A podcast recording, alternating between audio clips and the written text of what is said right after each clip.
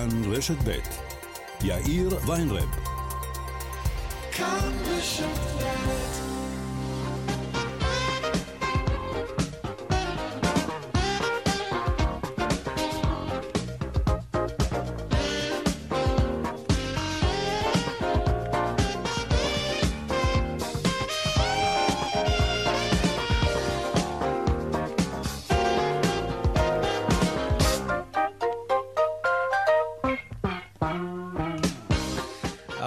ועוד חמש דקות ועוד 36 שניות למען הדיוק. כאן צבע הכסף ברשת ב', שלום רב לכם, העורך רונן פולק, בהפקה היום יעל קטנה שקד.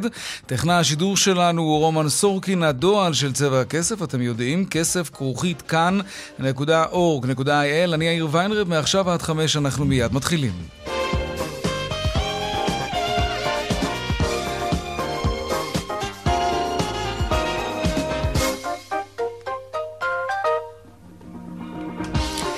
כותרות צבע הכסף, עוד לפני הכלכלה חשד לאירוע חיסול באזור באור יום. אדם אחד נהרג ואחר נפצע פצעים קשים במה שנראה פעולת חיסול בין עבריינים בתחנת דלק בעיר.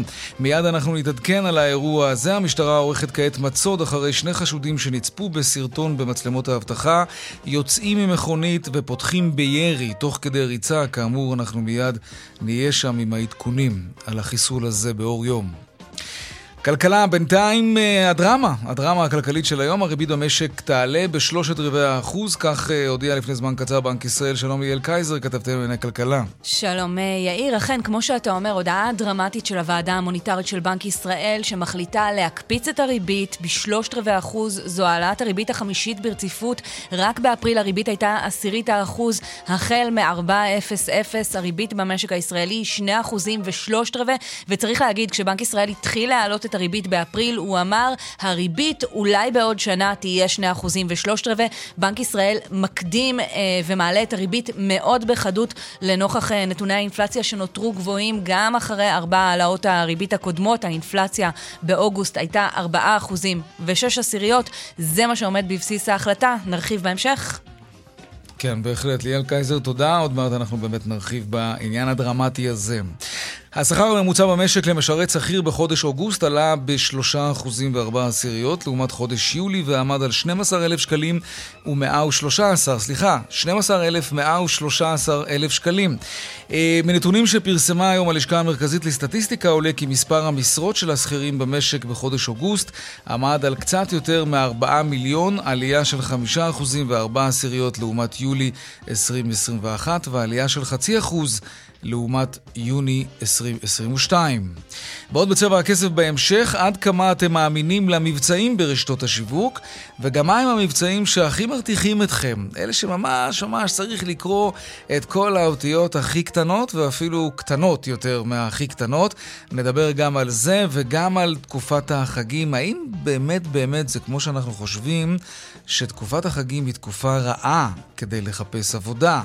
האמת היא שלא ממש. נדבר גם על זה בהמשך. והדיווח משוקי הכספים כרגיל לקראת סוף השעה, אלה הכותרות כאן צבע הכסף, אנחנו מיד ממשיכים.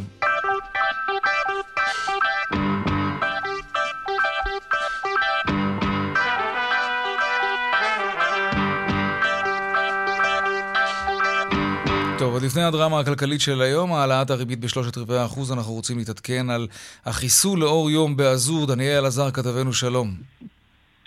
כן, שלום יאיר, נכון, אז אה, לפני כשעה וחצי, משהו כזה בשעה שתיים וחצי, אה, חיסול שמתרחש בתחנת הדלק בדרך השיבה, ממש אה, סמוך לעבור, כפי שרואים במצלמות האבטחה, רכב מזדה לבן מגיח לתחנת דלק, וממנו רואים ששני חשודים שיורדים מהרכב ופותחים אה, בירי לעבר אה, שניים אה, או שלושה אנשים שעמדו כאן בתחנת הדלק, ממש צרור יריות, יש כאן יותר מ-20 כלים כאן בזירה, גם חשודים בורחים ברכב, נכנסים לרכב ונמלטים, וממש לא רחוק בצומת חולון.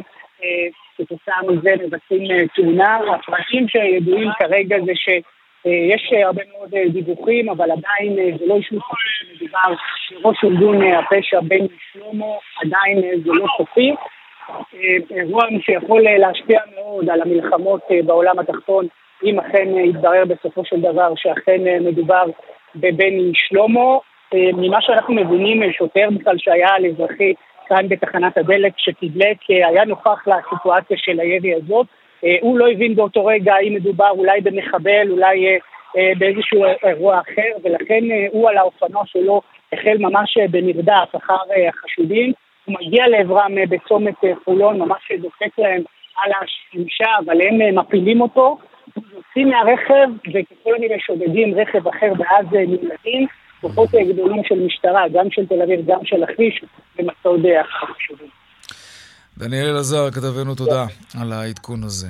כלכלה עכשיו, הריבית כצפוי עולה, עולה בחדות. ליאל קייזר, כתבתנו לענייני כלכלה, שלום. שלום יאיר, אמרת כצפוי, שמעתי אה, מעט אה, זכיחות בקולך, כי אתמול אה, ישבנו כאן כן, והתערבנו. בקולנו, בקולנו. ואתה ניצחת.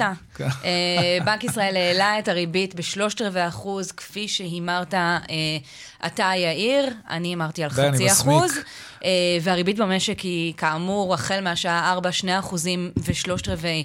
אה, שזה כמו שאמרת קודם, הבנק בעצם מקדים את לוח הזמנים שלו עצמו, וממש מעלה בחדות. מקדים מאוד את לוח הזמנים שלו. אני אסביר למה אני הערכתי ש... שזה יהיה חצי אחוז, כי זה יבהיר עד כמה ההחלטה של בנק ישראל להקפיץ את הריבית בשלושת רבעי אחוז הערב היא לא טריוויאלית, אה, וזה משום שנתוני האינפלציה של חודש אוגוסט היו חיוביים ביחס למצופה. האינפלציה ירדה מ-5 אחוזים ושתי עשיריות ל-4 אחוזים ושש עשיריות. ציפו שהיא תרד, ועדיין ציפו שהיא תרד פחות, היא ירדה יותר מהמצופה. כלומר, לבנק ישראל היה איזשהו מרווח אה, נשימה, ובכל זאת אה, הוועדה המוניטרית בראשות הנגיד אמיר ירון החליטה ללכת על המהלך האגרסיבי, לעשות גם קופי-פייסט למה שעשו בארצות הברית, שם הקפיצו את הריבית בשלושת רבעי אחוז לפני אה, שבוע וחצי. הנתונים בארצות הברית אמנם היו חמורים יותר, האינפלציה ירדה שם פחות מהמצופה, ועדיין בנק ישראל הולך על המהלך האגרסיבי, בוחר, כמו שאתה אומר, להקדים בכמעט חצי שנה את לוח הזמנים. באפריל העריכו שבאפריל הבא הריבית כאן תהיה בערך 2% ושלושת רבעי, זה קורה אה, בתוך חמש העלאות ריבית, כולן העלאות אה, רצופות.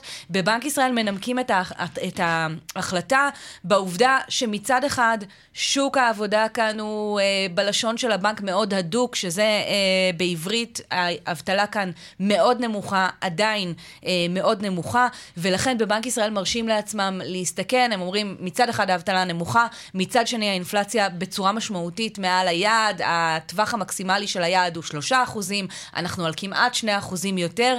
בהינתן שני הפקטורים האלה, אומרים בבנק ישראל, אפשר להעלות את הריבית בשלב הזה בלי לחשוש ולהעביר שאנחנו... מסר ברור למשק. כן. גם להעביר מסר ברור למשק וגם לא אה, בחשש נמוך יחסית שחס וחלילה תרסק את שוק העבודה, שתעלה את הריבית מדי באופן שיקשה על בעלי העסקים יותר מדי ויביא לפיטורים ולהאטה ולאותו אה, כדור שלג שאף אחד לא רוצה אה, לגרום לו. בבנק ישראל מרגישים די בנוח לעשות את זה. ההשלכה המיידית היא כמובן התייקרות. משמעותית מאוד של ההחזר החודשי של המשכנתאות של מאות אלפי ישראלים. אנחנו מדברים על התייקרות אה, של משכנתה ממוצעת של בערך אה, 180-185 שקלים אה, בחודש. אנחנו מדברים על משכנתה של מיליון שקל וכן הלאה. התייקרות נוספת. התייקרות נוספת, כלומר כן. זה מביא אותנו כבר לכמעט אה, 600 שקלים של התייקרות חודשית. אני לא יודעת מה איתך, אני כבר הרבה זמן, עוד לפני ההתייקרות הנוכחית, שומעת אנשים סביבי שאומרים שה-400 שקלים בערך שהמשכנתה התייקרה בהם עד עכשיו זה בדיוק השאלה אם לשלוח או לא לשלוח את הילד או הילדה לחוג. אנשים כבר מתחילים לעשות uh, צעדים uh, שמשנים את uh, אורח החיים שלהם בגלל התייקרות כן. הריבית. אתה יודע, בתחילת הדרך אמרו בבנק ישראל, זה כמה עשרות שקלים, זה 50 שקל בחודש, זה 100 שקל בחודש, לא צריך לא, לא, לעשות לא. דרמה. זה זה. כבר הפך להיות uh, מספר מאוד משמעותי. האפקט, אתה יודע שבממשלה מקווים שתהיה להעלאת הריבית הזאת. האפקט החיובי אולי זה איזשהו צינון גם של שוק הנדל"ן, מחירי דירות שקפצו בכמעט 18% בשנה כן. החולפת. אם... יכול להיות משהו חיובי, זה אולי בלימה של הזינוק במחירי הדירות. ליאל קייזר, כתבתנו לכלכלה, תודה רבה. אתם בוודאי תעסקו בזה גם במשחקי הכיס בכאן 11. בהחלט, תבואו בשבע. תודה רבה. תודה. טוב, אה, אנחנו עוד נמשיך אה, לדבר על הריבית עצמה, אבל אנחנו רוצים קצת להעמיק בזווית שבאמת יש לה מחנה משותף מאוד מאוד רחב, הנדל"ן, כן? אה, ודאי שעל העלאות רציפות כאלה יש השפעה על המשק שלנו בהרבה מאוד היבטים. אנחנו נתמקד עכשיו בהשפעה של הריבית הגבוהה על מה שהכי מעניין אותנו, וזה מחירי הדירות, ששברו שיאים בלתי הגיוניים, במיוחד בשנה האחרונה. שלום חיים מסילתי, יושב ראש לשכת שמאי המקרקעין. שלום שלום, ערב טוב. סקר מיוחד שאתם עושים בקרב שמאים אה, מצביע על הערכה די חד משמעית שלכם, אנשי המקצוע, שמחירי הדיור אה, ייבלמו ואולי אפילו ירדו. זה נשמע טוב, אבל זה עדיין לא קרה. חמש העלאות ריבית ברציפות, טוב, החמישית קרתה עכשיו, אבל ארבע העלאות ריבית רצופות, וזה עדיין לא ממש קרה, נכון? נכון, כי יש אה, חוסר אמון משווע של הציבור בממשלה וביכולות שלה לעשות את מה שהם כל כך רוצים, קרי גלימה לפחות, אם לא ירידה של מחירי הדיור. אה, הנגיד, אה, יש לומר, לוקח פה את המושכות לידיו ומתחיל להעלות את הריבית עוד ועוד, וכמו כל מגמה שהולכת ותופסת תאוצה, אז גם המגמה הזו, אני מניח, תביא תוצאות בשלב קצת יותר מתקדם. היום, כמו שאמרת, זו העלאה הרביעית או החמישית, אנחנו כבר מדברים על ריבית של 2.75. כל שנה קודמתי זו כבר ריבית שגורמת לאנשים להתחיל אולי טיפה להאמין שזה יקרה, וגם ציבור השמאים חושב ככה. ציבור mm-hmm. חושב שאם הנגיד אה, יתמיד, יתמיד במגמה הזו כן. וייצר אמון, כי הרי כלכלה זה בעצם אמון של הציבור mm-hmm. במנהיגים שלו. אם הציבור יתחיל להאמין שבאמת כוונת הממשלה הכוונה האמיתית של הממשלה היא לבלום את, את המחירים ולא, כמו שהרבה חושבים, ליהנות מהמיסים שהמחירים הגבוהים האלה מניבים, mm-hmm. אז uh, אנחנו מאמינים שבאיזשהו שלב גם מחירי הדיור טיפ-טיפה יצטננו. Mm-hmm. טוב, תראה, המשוואה היא באמת uh, פשוטה. Uh, אם הריבית עולה, אז הכסף מתייקר. ואז לזוגות צעירים, ולא רק להם כמובן, יותר יקר לקחת הלוואות, אז לוקחים פחות משכנתאות, וקונים משקיעים, פחות דירות. כן. משקיעים יכולים לקבל תשואה יפה בפק"מים ובאג"חים. Mm-hmm. כלומר, מנתבים את הכסף שלהם למסלולים אחרים, והם לא, לא נוהרים לנדל"ן כמו קודם. ואז קבלנים נאלצים לפתות את הציבור כן לחזור לשוק הדירות, או לפחות לא לברוח ממנו. ואז הם אמורים להוריד מחירים. אה, או לפחות לא להעלות אותם. או לפחות לא להעלות אותם. ואני עדיין שואל, אה, למה זה לא קרה, אבל רגע, רק נאמר שנגיד בנק ישראל מדבר ממש עכשיו, הוא אמור גם להסביר אה, מדוע הוועדה המוניטרית החליטה להעלות בשלושת רבעי אחוז את הריבית. בה אנו נמצאים היום, אני יכול לומר ממקומי כנגיד בנק ישראל, ומתוך הסתכלות מקרו כוללת, כי הכלכלה הישראלית נמצאת במקום טוב. ודאי ביחס לכלכלות של משקים מתקדמים אחרים. המשק הישראלי איתן ונמצא ברמת פעילות גבוהה ושוק העבודה הדוק ומצוי בסביבת תעסוקה מלאה. לצד אלו ישנם גם אתגרים לא מעטים וארחיב על חלקם בהמשך. אציין בקצרה את הבולטים שבהם. האינפלציה שהרימה ראש בכל העולם ובאה לידי ביטוי גם אצלנו גם אם במידה פחותה יחסית לעולם, היא תהליך שפוגע בכלכלה ובעיקר באוכלוסיות החלשות, וצריך לרסנה ולהחזירה ליעד. כולנו כאן בבנק ישראל, וחבריי לוועדה המוניטרית, נחושים לעשות זאת ונוקטים בצעדים שיביאו לכך. אתגר נוסף הוא התמודדות המשק עם ההאטה הגלובלית הצפויה בטווח הקצר לאור משבר האנרגיה וההידוק המוניטרי בעולם. סוגיית מחירי הדיור, שמעבר להיותה בעיה כלכלית, היא גם סוגיה חברתית מהותית. ואתגר נוסף הוא אי הוודאות הפוליטית, שבין השלכותיה הכלכליות ניתן למנות את העיכובים בהשקעות לטווח הבינוני והארוך.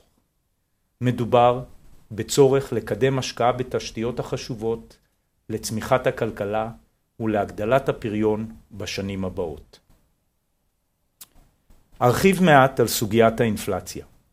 כן. האינפלציה בישראל... טוב, האינפלציה, כן, היא זו שמפחידה את בנק ישראל, היא צריכה להפחיד את כולנו, אה, צריך לרסן אותה, ודווקא בגלל שהמצב הכלכלי שלנו מצוין, אומר אה, הנגיד, הרשינו לעצמנו להעלות את הריבית בחדות, כלומר לנקוט צעד דרמטי, שהוא, שהוא בהחלט מכאיב לכולם, אבל הוא דרמטי גם, גם בגלל, כן, כן, בגלל שהכלכלה שלנו איתנה, כלומר זה כואב אבל פחות. בוא, בוא נחזור באמת לענייני הנדל"ן, שגם על זה אה, דיבר אה, נגיד בנק ישראל ממש לפני אה, דקה. אה, הוא כמובן מצפה שגם הממשלה תיכנס לתמונה בהיבט הזה, אבל, אבל אני בכל זאת רוצה לשאול אותך, ארבע העלאות ריבית רצופות, עכשיו זו החמישית ברציפות, ועדיין קבלנים לא ממצמצים, לא ממש בולמים, ולא ממש מורידים מחירים. תסביר לי. כי נקודת האיזון עוד לא התהפכה. Mm. כי עדיין חוסר האמון בממשלה חזק יותר מהעלאת הריבית ומההשפעות שלה. נכון, ככל שאנחנו, ככל שהריבית תעלה יותר ויותר, כך הסיכוי שהמגמה תתהפך. אבל נכון לרגע זה, הציבור עדיין חושב שהממשלה לא באמת רוצה להוריד מחירים, ועדיף לו לקנות מאשר לחכות. עכשיו, חשוב לומר שכמות העסקאות ירדה, אבל המחירים לא. זאת אומרת, יותר אנשים חזרו לשבת על הגדר, אבל אלו שיורדים ממנה ומבצעים עסקה, כן. מבצעים אותה עדיין במחירים הגבוהים. אתה יודע, חיים, בחודשים האחרונים אנחנו שוחחנו עם אין ספור קבלנים, אה, וגם בתקופה האחרונה כמובן, וכולם מספרים לנו שביזנס as usual. עסקים כרגיל, הם מוכרים דירות כמו לחמניות חמות, אין להם שום בעיה. הם אומרים אמנם שפחות זוגות צעירים באים, זה נכון, אבל יש משפרי דיור, ויש משקיעים, שהכל בסדר. אם זה באמת המצב, אגב, זה המצב שאתה מכיר אותו מהעבודה שלך בשטח? כן. באמת מוכרים מספיק, כרגיל? זה לא מדויק, כי יש מספיק דלק במכל, אז כרגע הנוסעים זה הכל בסדר, אבל הדלק, הדלק הולך ונגמר. Mm-hmm. זאת אומרת, עוד העלאה ועוד העלאה, פחות ופחות אנשים יבואו למשרדי המכירות, זה הרי mm-hmm. ברור. אז זה בעצם מה שאתם צופים, שהיה להם אולי, כן, היה להם טנק מלא, או כמעט מלא, ועוד מעט לא תהיה, לא תהיה לקבלנים ברירה, אלא להפסיק להעלות מחירים, ואולי אפילו להוריד אותם. נכון, רק חשוב לקחת בחשבון שלקבלנים יש עוד דברים שמשפיעים על מחירי הדיור, כמו למשל כוח האדם, תשומות הבנייה. נכון. אלה עוד פרמטרים שצריך לקחת בחשבון, וכמובן מחיר הקרקע. כמו שאמרתי כמה פעמים, כל עוד רמ"י ימשיך בשיטת השיווק הלא נכונה של כל המרבה במחיר, Mm-hmm. אז uh, נמשיך לראות פה, נקרא לזה מגמת התנגדות לירידת המחירים. שינוי שיטת המכרזים ולאפשר קנייה של קרקע ברמה סבירה, בהחלט יעזור לריבית שעולה, ואולי באמת יבוא לציון גואל ונראה קצת בלימה הזה. אולי, אולי, הלוואי. תגיד, כאיש מקצוע אה, בענף הנדל"ן, מקצוע בכיר בענף, אה, כשאנשים שואלים אותך, וזה בטח קורה לך כל יום, כמה פעמים ביום, אה, מה אתה כשמיים מקרקעין מציע להם? להמתין קצת? לחכות שהשוק יתקרר והמחירים אולי ירדו, או לא לבנות על זה יותר מדי, ואם יש הזדמנות עכשיו לנכס שהם אוהבים, אז כדאי לסגור עסקה. זה קצת קשה לנבא, אבל אני תמיד אומר שמי שצריך דירה, שיקנה. כי uh, זה מוצר צריכה ולא ספקולציה. אבל אולי שווה לחכות חצי שנה ולקנות דירה, את אותה דירה אולי, אבל, או דירה דומה מאוד, ב-200 אלף שקל פחות, זה יכול להיות נחמד. ואולי לא. ואולי לא. לא. אנחנו בממשלה של 60-60, כן. אף אחד לא יודע אם שר השיכון של היום יהיה שר השיכון של מחר, או יהיה שר השיכון של עוד חצי שנה. אה, לא, חוסר הוודאות הכלכלית לא תורם לעניין, ולכן אני אומר, אם אתה צריך, תקנה. אם אתה ספקולנט, אז אולי באמת שווה טיפ-טיפה להשקיע כבר. אפיקי השקעה סולידיים אחרים נותנים את אותה תשואה שהוא נותן לדירת מגורים, 3-3.5 אחוז. כבר מתחיל להתקרב לשם, אז אם אתה ספקולנט, לא הייתי רץ לקנות דירה, אבל זוג צעיר שהצליח להגיע לאיזושהי סיטואציה עם הון עצמי מספיק, mm-hmm. במקומו הייתי הולך לקנות דירה, כי בסך הכל בסופו של דבר, כשהדירה היא שלך ואתה גר בה, כל הערך שלה, השווי שלה, אם הוא יותר גבוה יותר נמוך, זה קטע תיאורטי מבחינתך. אגב, יש, יש ויכוח עתיק יומין, אם יש לך הון עצמי... אה, יש כמובן את המסלול של הכסף עובד בשבילך, ועוד עכשיו בכלל שהריבית עולה. אה, יש לא מעט מחקרים שמצביעים על זה שאם אתה סוגר את הכסף, נגיד ל-30 שנה, במקום לקחת משכנתה ל-30 שנה, אה, יכול מאוד שבעוד 30 שנה יהיה לך יותר נכסים, כספיים לפחות, מאשר אם קנית דירה. כלומר, יכול להיות שהכסף יעשה יותר מהנכס. וגם חומר נכון. למחשבה. חומר למחשבה, גם שוק המניות, מניות הנדל"ן, כן? לא כן. מניות, מניות הנדל"ן הוא... שוק אה, מעין אלטרנטיבי לדירה, אבל בסופו של דבר תרבות הצריכה הישראלית רוצה דירה על שמך בטאבו. זה כן, זה משהו פסיכולוגי אצלנו. איך שלא מסובבים את זה, והנה חשבנו שדור צעיר יבוא ויקום ואולי יחשוב טיפה אחרת, וזה לא קורה. לא. לא, לא התנערנו מזה. כן. חיים, חיים מסילתי, יושב ראש לשכת שמאי המקרקעין, תודה רבה לך על השיחה הזאת. תודה לכם, ערב טוב. עדיין בענייני אה, הריבית, כמה תגובות אה, להחלטה של בנק ישראל שמגיעות אלינו. מהתאחדות הקבלנים נמסר שהחלטת הנגיד להעלות בחדות את הריבית, שוב, היא סימן מסוכן שלהערכתם של הקבלנים ישליך גם על ההתנהגות של ענף הבנייה והתשתיות ויגיע לכיס של כל ישראלי בחודשים הקרובים. בהתאחדות התעשיינים אומרים שההחלטה של בנק ישראל, גם אותם, זה מאוד מאוד מאכזב ועלולה להזיק לכלכלה הישראלית. זו מדיניות אגרסיבית שאין בה צורך והיא רק עלולה להכניס את המשק למיתון.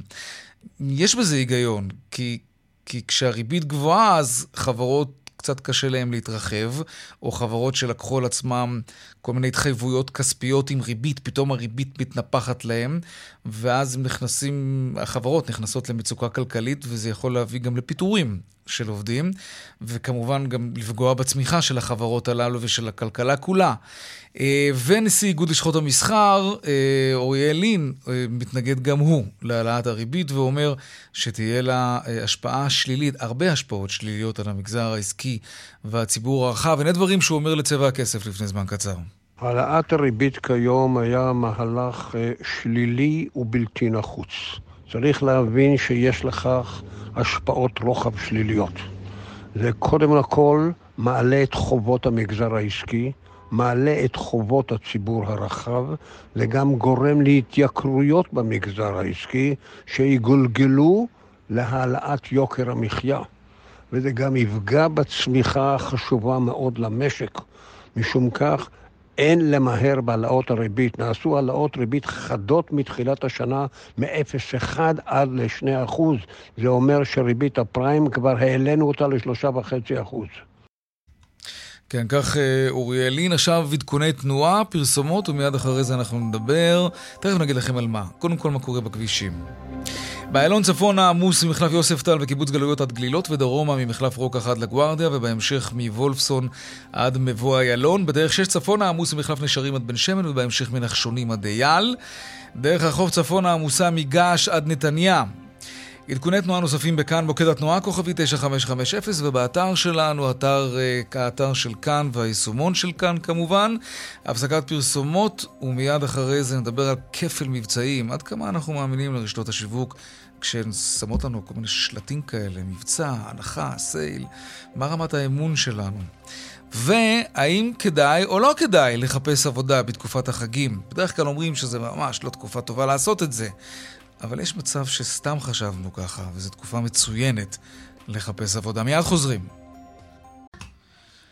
וכאן גם צבע הכסף, 4 ועוד 31 אה, דקות אנחנו חוזרים לזירת החיסול לאור יום באזור עם זיהוי סופי של האדם שחוסל באירוע הזה. דניאל עזר, כתבנו, אנחנו שוב איתך. כן, נכון יאיר, אז אפשר לומר שבאמת אה, העבריין הבכיר שחוסל אה, כאן באזור אה, לפני כשעה וחצי, הוא העבריין בני שלמה, ראש ארגון הפשע בני שלמה, עבריין מוכר מאוד אה, באזור הדרום, שמפוצח עם שלום דומרני ועם עוד עבריינים נוספים, ששרד בעצמו לא, לא מעט אה, ניסיונות חיסול במהלך השנים האחרונות, אפילו בחודשים האחרונים, והנה היום מי שרצה להביא במותו גם uh, הצליח, אנחנו מבינים שהוא הגיע לכאן, בן שלמה, לאיזושהי פגישה שהייתה מתוכננת, החשודים שהתנגשו בו ככל הנראה עקבו אחריו וידעו זאת והגיעו לכאן וממש אה, לאור יום יצאו ממכונתם בתחנת הדלק ופתחו לעברו בצרור של יריות על 20 קליעים. כרגע החשודים האלה נמדדו, יש עדיין מסוד. עדיין. כן, גם בשלב הזה מנסים עדיין לאתר אותם, וכמובן יש חשש גדול מאוד שהחיסול הזה יביא לנקמה לשלל אירועי רצח שאולי נראה בתקופה האחרונה כן. בעולם התחתון, שכמובן גם לאירוע היום יש משמעות. ערב אה, לפני יום הכיפורים, מי שרצה לחסל את אה, בני שלמה ידע זאת היטב, ויש כאן מסר נוסף שכמובן עלול אה, להסיט ולהעביר את אזורי בהחלט, דניאל עזר, תודה רבה על העדכון הזה משם, החיסול באזור.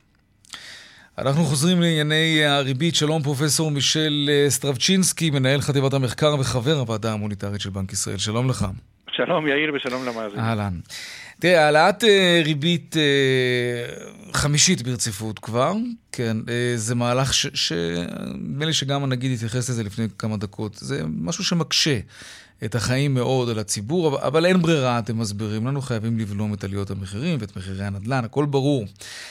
אבל מתי זה יקרה? זה, זה מה שהציבור שואל, כי כבר חמש העלאות ריבית, מה שמקשה את החיים. מצד שני, שום דבר לא באמת מוזל. כלומר, זה לא, לא רואים את ההשפעה של זה עדיין. אז יש קודם כל את הזירה הבינלאומית, כי כמו שידוע, כן. זו תופעה עולמית. וחלק מהתופעה, מהתופעה הזאת קשורה לבעיות אספקה, לנושאים של מחירי הנפט וכך הלאה. שם דווקא רואים איזושהי הקלה. אה, זה כבר קורה. אנחנו רואים ירידה במחירי הנפט, רואים ירידה בכל הבעיות של האספקה. יש למשל סקר מגמות בלמ"ס, שהפירמות של התעשייה, שהם אלה שסבלו מזה, הן כן. מדווחות באופן ברור שבחודשיים, שלושה חודשים האחרונים, הבעיה הזאת הולכת וקטנה. יש את הנושא הנוסף, שכנגדו אנחנו בעצם לוחמים באמצעות הריבית, כי צריך לזכור שהאינפלציה בסופו של יום היא תופעה מאוד שלילית, כן? אז, mm-hmm. אז אה, שם זה קשור יותר לביקושים, וזה, צריך להגיד את האמת, זה תהליך מאוד ארוך. אה, כמו שאמרת, חמש העלאות, וגם אה, בתחזית שלנו, כשמסתכלים שנה קדימה, אנחנו מעריכים שבהמשך הריבית תהיה גבוהה מזו שעליה החלטנו היום. אה, ועם איזשהו מסר אבל של נחישות, שבסופו של יום אנחנו די משוכנעים ש... אנחנו קוראים לזה יו הפוכה, מה זאת אומרת? נגיע לאיזשהו שיא, ולאחר מכן תתחיל הירידה לכיוון היעד. עכשיו, מה שקרה בחודשים האחרונים זה שכל הזמן השיא הזה נע יותר רחוק. אה, נכון להיום אנחנו מסתכלים על נובמבר כסביבה של החודש שלאחר מכן כן. אה, תתחיל איזושהי עליית מחירים יותר נמוכה. אבל גם במדד האחרון, כשמסתכלים על... רגע, רק כדי להבין, אתם בבנק ישראל מעריכים שבנובמבר מה, העלאות המחירים תיבלמנה? אנחנו היום בהעלאות מחירים של 4.6 אחוזים, וכל הנושא הוא שהשיעור הגידול השנתי הוא יתחיל להיות יותר נמוך לכיוון השני אחוזים. עכשיו, אבל כבר במדד האחרון למשל, ראינו שהוא כן. היה יותר נמוך מהתחזיות. כן, זאת אומרת, ישנו... אבל עדיין עם לחצים אינפלציוניים. מה כן. שגרם לכם כמובן להעלות את הריבית היום. נכון. אז, אז מה, מה צפוי לקרות בנובמבר, כדי שנבין את זה יותר טוב? כלומר שזה בעוד חודש בעצם. מה, אתם צפויים, אנחנו צפויים לראות את המדד קצת יותר נרגע, אולי עדיין עולה, אבל פחות בחדות? כי מה שקורה, יש איזושהי דינמיקה כשאתה מדבר על 12 חודשים שקשורה כן. גם למה שהיה בעבר. אז אנחנו מנתחים את כל התופעות, ולא mm-hmm. אה, רק אנחנו, גם החזאים. אה, יש להם הערכה מהסוג הזה, שככל שניכנס לקראת שנת 2023, נתחיל להיות מספרים שם יותר קרובים ליעד, אה, שכרגע אנחנו רחוקים מזה. Mm-hmm. אבל מה שצריך להבין זה שנכון לעכשיו, הפעילות, אנחנו כולנו מזכירים את החלק הלא נוח של ההחלטה, אבל צריכים לזכור שהפעילות היא במצב ממש טוב. הנתונים שפרסמו הלמ"ס מביאים למצב שאנחנו כבר ארבעה רביעים, אם אני סופר גם את השלישי, עליו עדיין אין נתונים, ארבעה רביעים שאנחנו מעל המגמה שהייתה לפני הקורונה. זאת אומרת, התוצר לא רק הוא בעצם הקטין את כל הפער של התקופה הלא טובה ההיא, אלא אנחנו בעצם מעליה, כן, ועם אבטלה מאוד נמוכה. ושוק העבודה חוזר לעצמו. יש אמנם משרות פנויות ברמה מאוד גבוהה, שהן אפילו לא מאוישות, כן? זה, זה לא נכון, אבל, אבל מצד שני אנחנו רואים גם מה קורה באירופה, אה, שיכול מאוד ששוקעת להאטה מאוד חריפה, אולי אפילו למיתון. אנחנו תלויים בכלכלה האירופית, אנחנו תלויים בכלכלה האמריקנית, שגם היא מדשדשת. כלומר, לא, לא לעולם חוסן. אנחנו מבינים שאנחנו יכולים, אתה יודע, להתבשם מהפרמטרים הכלכליים שלנו, אבל בסופו של דבר אנחנו נצטרך ליישר קו עם מה שקורה. שקורה בעולם. אז בוא נתחיל קודם כל, כי הרי זה דברים שמתרחשים עכשיו.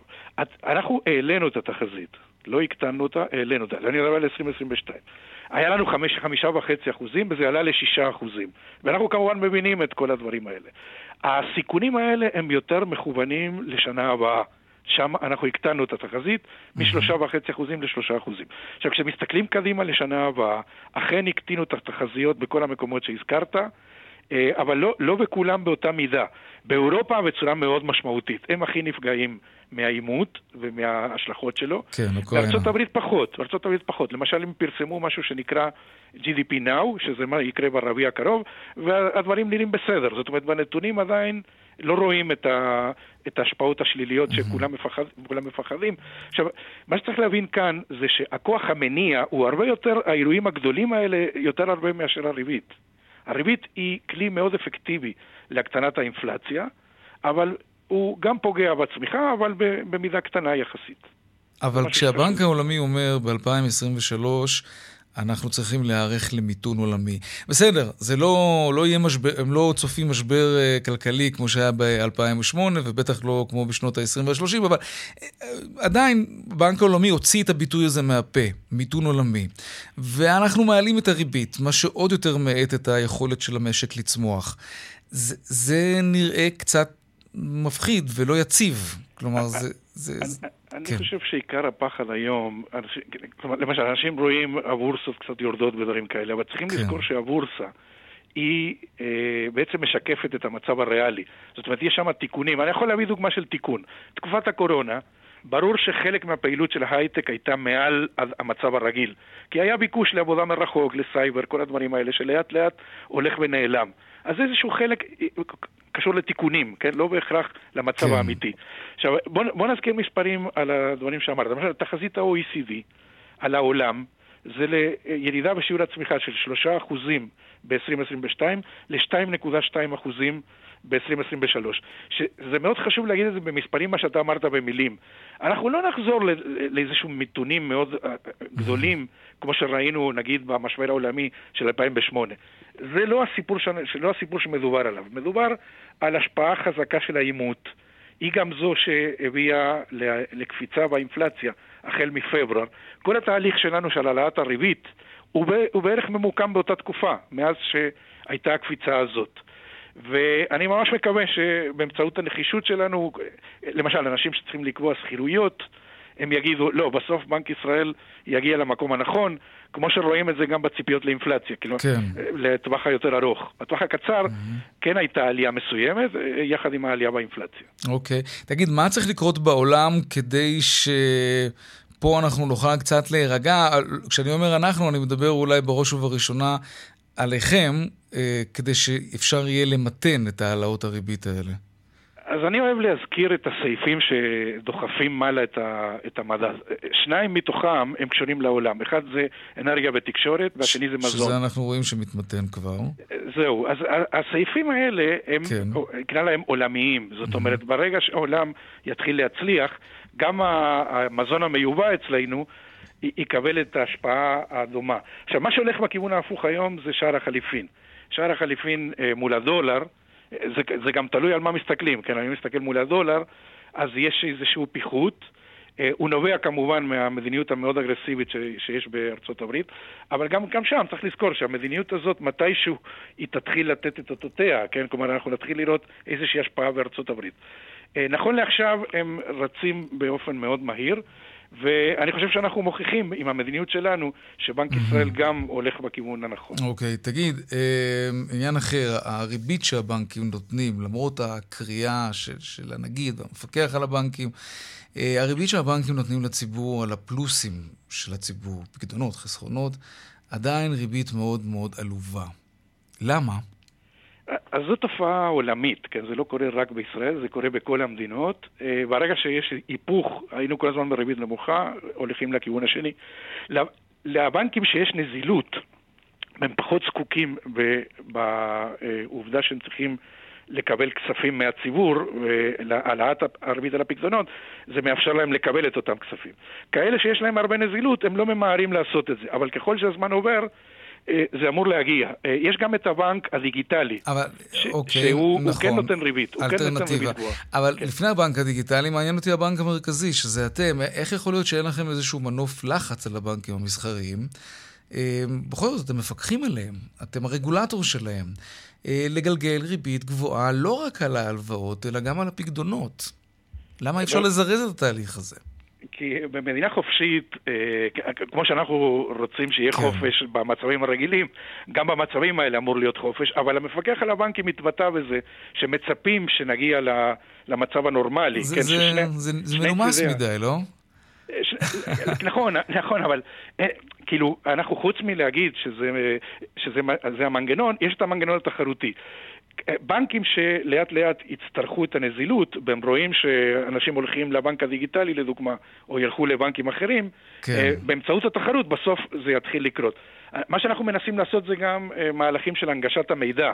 עשינו, עשינו מהלך כזה בנושא המשכנתאות, נכון, כן. וגם בנושאים אחרים. ברגע שהמידע ידוע, אז, אז גם, גם הצרכנים ייתנו לזה חשיבות. בואו נזכיר גם שיש את המעבר בקליק.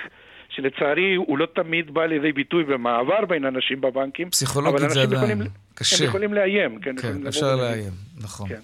פרופסור מישל סטרבצ'ינסקי, מנהל חטיבת המחקר וחבר הוועדה המוניטרית בבנק ישראל, תודה רבה. תודה לך. להתראות. לעניין הבא שלנו, מבצעים uh, בתקופת החגים. Uh, אנחנו כל הזמן מזהירים uh, מפני פייק הנחות ופייק מבצעים, ויש גם חקיקה, אגב, מאוד ברורה, מהו בדיוק מבצע, זה הרי לא רק שלט. אז עד כמה הציבור בקיא ולא פראייר בכל מה שקשור לנסות למכור לו מבצעים והנחות. שלום תמר נבו, מנהלת המחקר של ארגון אמון הציבור, שלום לך. שלום, אחר הצהריים טובים. גם לך, שנה טובה. עשיתם סקר בנושא הזה, מה גיליתם? נכון, אז uh, באמת עשינו סקר אצלנו באמון הציבור במטרה uh, למפות את העמדות של uh, הישראליות והישראלים בנוגע למבצעים שהם חשופים אליהם יום-יום, שעה-שעה. Uh, וגילינו כמה דברים מעניינים. קודם כל, התובנה המשמעותית ביותר שעולה מהסקר זה הציבור הישראלי מעיד על עצמו שהוא מושפע מאוד ממבצעים. 73% מהצרכנים אמרו שמבצעים שהם חשופים אליהם משפיעים עליהם במידה רבה ורבה מאוד. זאת אומרת, יש פה אחוז ניכר של השפעה שכנראה בפועל, דרך אגב, אם אני פותחת סוגריים, זה כנראה אחוז הרבה יותר גבוה, כי אנחנו יודעים שההשפעה של מבצעים עלינו היא הרבה פעמים בלתי מודעת. זאת אומרת, יש פה הטעיה קוגנטיבית שאנחנו כולנו חשופים אליה, אז בפועל אפשר להגיד שבאחוזים מאוד מאוד ניכרים אנחנו מושפעים ממבצעים. השאלה אם אנחנו מוכנים להודות בזה שזה משפיע עלינו, האם אנחנו מוכנים להודות גם שאנחנו לא באמת יודעים שזה היה מבצע, וזאת פסיכולוגיה בהחלט. כזאת, כלכלה התנהגותית, אנחנו נופלים בפח פשוט. בדיוק, בהחלט. אז כן, אה, אם 73% אה, אמרו שהם מושפעים במידה רבה עד רבה מאוד ממבצעים, כן. באותה נשימה 60% מהציבור אמרו שהם מאמינים במידה מועטה או בכלל לא למבצעים. זאת אומרת, ביד אחת אנחנו כן. וביד השנייה אנחנו למעשה לא מאמינים. אנחנו לא מאמינים שהמחיר שאנחנו רואים כמחיר מבצע משקף הנחה אמיתית ביחס למחיר המקורי, למחיר מה שנקרא בלשון החוק מחיר הייחוס של המוצר, mm-hmm. שזה בעצם המחיר האמיתי אה, אה, שהרבה פעמים לא משוקף לנו, או משוקף לנו בצורה שהיא מנופחת ופיקטיבית, ואז למעשה אה, אנחנו חשופים למבצעים שהם פיקטיביים, הם לא אמיתיים. Mm-hmm. אם אני יכולה ככה להגיד עוד תובנה אחת משמעותית שעלתה מהסקר, זה שהציבור הישראלי למעשה מחפש, מחפש מאוד את השקיפות ומחפש את הוודאות. כששאלנו צרכנים מה בעצם הכי מפריע להם בנוגע למבצעים, אז 74% אמרו שהאותיות הקטנות המבלבלות, אלה שכתובים ב... באותיות הקטנות בשלט של המבצע, שזה למעשה תקף רק לחברי מועדון, מועדון או סכום מינימלי כזה או אחר, זה הדבר שהכי מעצבן אותם ומפריע להם בכל הנוגע למבצעים. וגם כמובן שלא ברור מה המחיר לפני המבצע ומה המחיר אחרי המבצע. זאת אומרת, אנחנו... לפעמים מחכים... אגב זה כתוב, ואתה עדיין תוהה אה, אם המחיר הזה ששמו עליו עכשיו X או קו, אם זה באמת היה המחיר הקודם. כלומר, אתה, אתה תמיד חשדן, נכון. אבל זה מסנוור אותך. איך, איך שאתה נכון. לא... זה... נכון. תגידי, יש חקיקה מאוד ברורה בעניין הזה, נכון? כלומר... אז אה... כן, אז יש חקיקה, אה, בלשון החוק מבצע נקרא מכירה מיוחדת, וחוק הגנות, הגנת הצרכן מתייחס למה הוא מבצע, והוא מגדיר למשל חובה על העסק להבהיר לצרכן איזה מוצרים נכללים במבצע ואיזה לא, מה המחיר לפני המבצע ואחריו, אבל יש שני כשלים משמעותיים שהחוק היום לא מכסה, ותיקון החקיקה שאמור לתקן את זה מתעכב כבר בערך חמש שנים, למרות שהרשות להגנת הצרכן שאמורה לחוקק ואמורה להעביר בעצם את התיקון הזה מודעת לחלוטין לכשלים האלה, אבל בגלל חוסר היציבות הפוליטית היא בעצם לא מצליחה להעביר את התיקון הזה כבר מספר שנים. והסוגיה הראשונה זה באמת, כמו שאמרת, כמה זמן רשאי העסק להציע למכירה מוצר או שירות במבצע.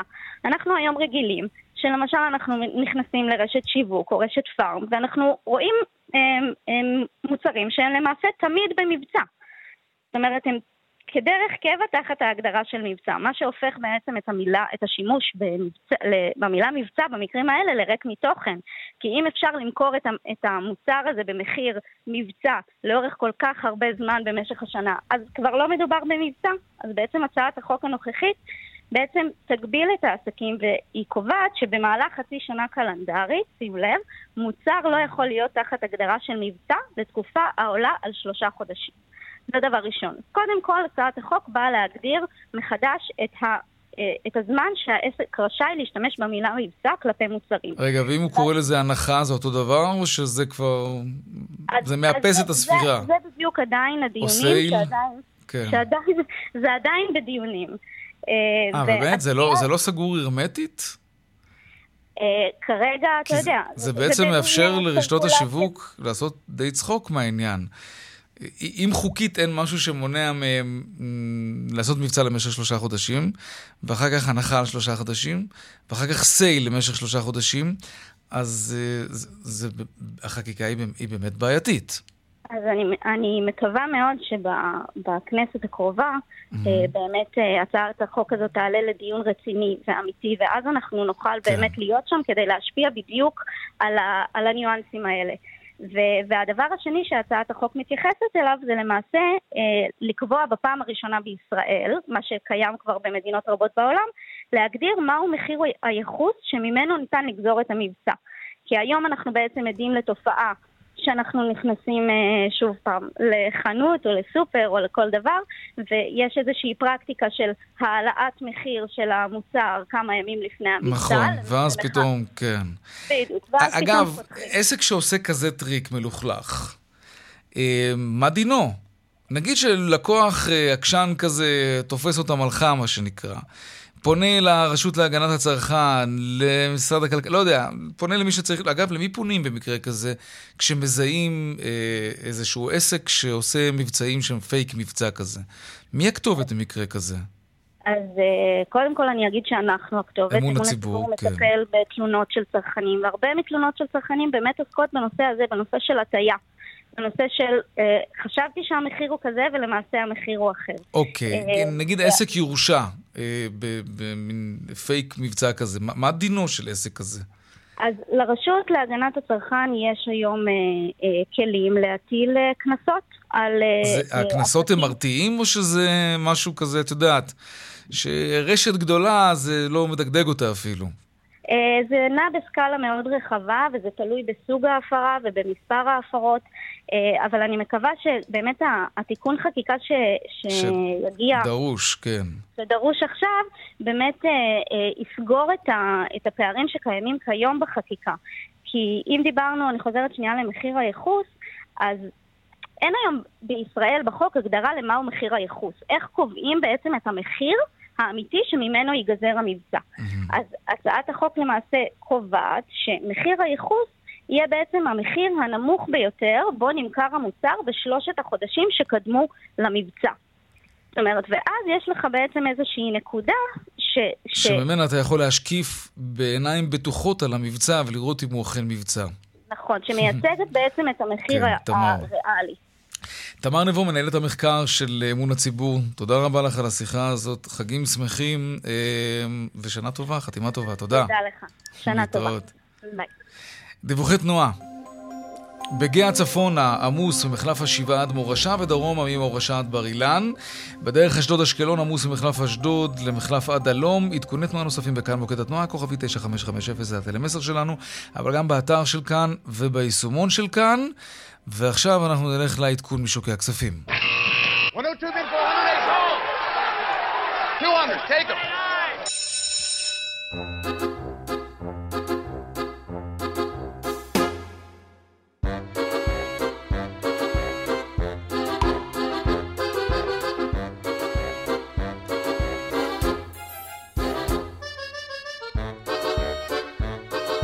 טוב, אנחנו אוספים את הנתונים כדי שנוכל uh, לספר לכם מה קרה היום בבורסה, ואנחנו לא נוכל לעשות את זה בלעדיך, רואה החשבון אמיר אייל, יושב ראש אינפיניטי. מה העניינים? בסדר, יאיר, מה שלומך? על הכיפאק, ספר לנו מה קורה. תשמע, המטוטלת הזאת היא מטורפת לגמרי. אתמול... אה, ככה, מי שמכר ופדה את קרנות הנאמנות שלו בירידות חדות של 2 ו-3 אחוזים, מסתכל בעיניים כלות על העליות החזקות שיש היום, עליות של כ-2% במדדים המובילים. איי, איי, איי. וזה משמעותי, זה משמעותי מאוד. זה מראה שאין מקום לפחד או תחושות במה שקשור בכלכלה ובשוק הון ובהשקעות. באמת המדדים עולים היום, אחוז נקודה 85 בתל אביב 35, אחוז נקודה 9 במאה 25, הבנקים עולים באחוז נקודה 6, בסך הכל עליות, וזה אומר uh, שסקטורים מסוימים פתאום חזרו ללבלב אחרי שאתמול כבר לא היו בעניינים, uh, מדד הבנייה טס מעל 3 אחוז, uh, והכל כאילו כמנהגו נוהג. מה הכניס את המצב רוח הזה לשווקים? תראה, הודיעו על הריבית, הריבית עלתה. יש כן. בבורסה תמיד אומרים, קונים על השמועות, מוכרים על העובדות, ולהפך. כן, אבל כשהריבית עולה, דווקא האנשים מושכים את הכסף משוק ההון, שמים אותו אז, בבנק. אז האי-ודאות הזאת היא הפקטור כן. שמוביל היום את העולם. פוטין והסיפור באוקראינה, והריבית mm-hmm. בארצות הברית, ואינפלציה. אבל הדברים האלה מתייצבים. ההסתכלות היא לטווח ארוך. רואים את הדולר, אגב, ב-3.58, עלה mm-hmm. 6% בחודש האחרון. וואו. אבל השקל מאוד מאוד חזק אמור להיות בגלל הנתונים של כלכלת ישראל, ולכן מי שמסתכל קדימה רואה את, הנ... את הגז, רואה את הטכנולוגיה, רואה את התעשייה הביטחונית, רואה את הצמיחה הדמוגרפית, רואה את כל הדברים האלה, ואומר, רגע, האם השקל יהיה חזק או חלש? צריך להסתכל על ההשקעות בראייה של קדימה, mm-hmm. לא בראייה של מה קרה אתמול. כן. שזאת המסקנה הכי חשובה. כן, יכול להיות שזה גם נכון להרבה דברים אחרים בחיים. רואה חשבון אמיר אייל, יושב ראש כן. אינפיניטי, תודה רבה.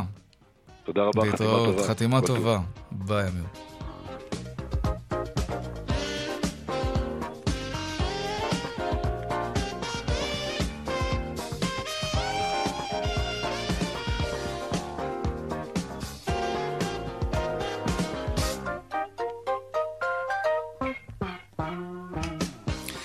עד כאן צבע הכסף ליום שני, העורך רונן פולק בהפקה, יעל קטנה שקט, טכנאי השידור שלנו רומן סורקין, ובמוקד התנועה, אהוד כהן בופון, הדועל של צבע הכסף הוא כסף, כרוכית, כאן, נקודה org.il, מיד אחרינו בנימיני וגואטה, אני יאיר ויינרב, אתם יכולים גם להמשיך ולצפות בשידורי כאן רשת ב', באתר וביישומון של כאן, בכל יום, בין השעות 7 בבוקר ל-5 אחר הצהריים.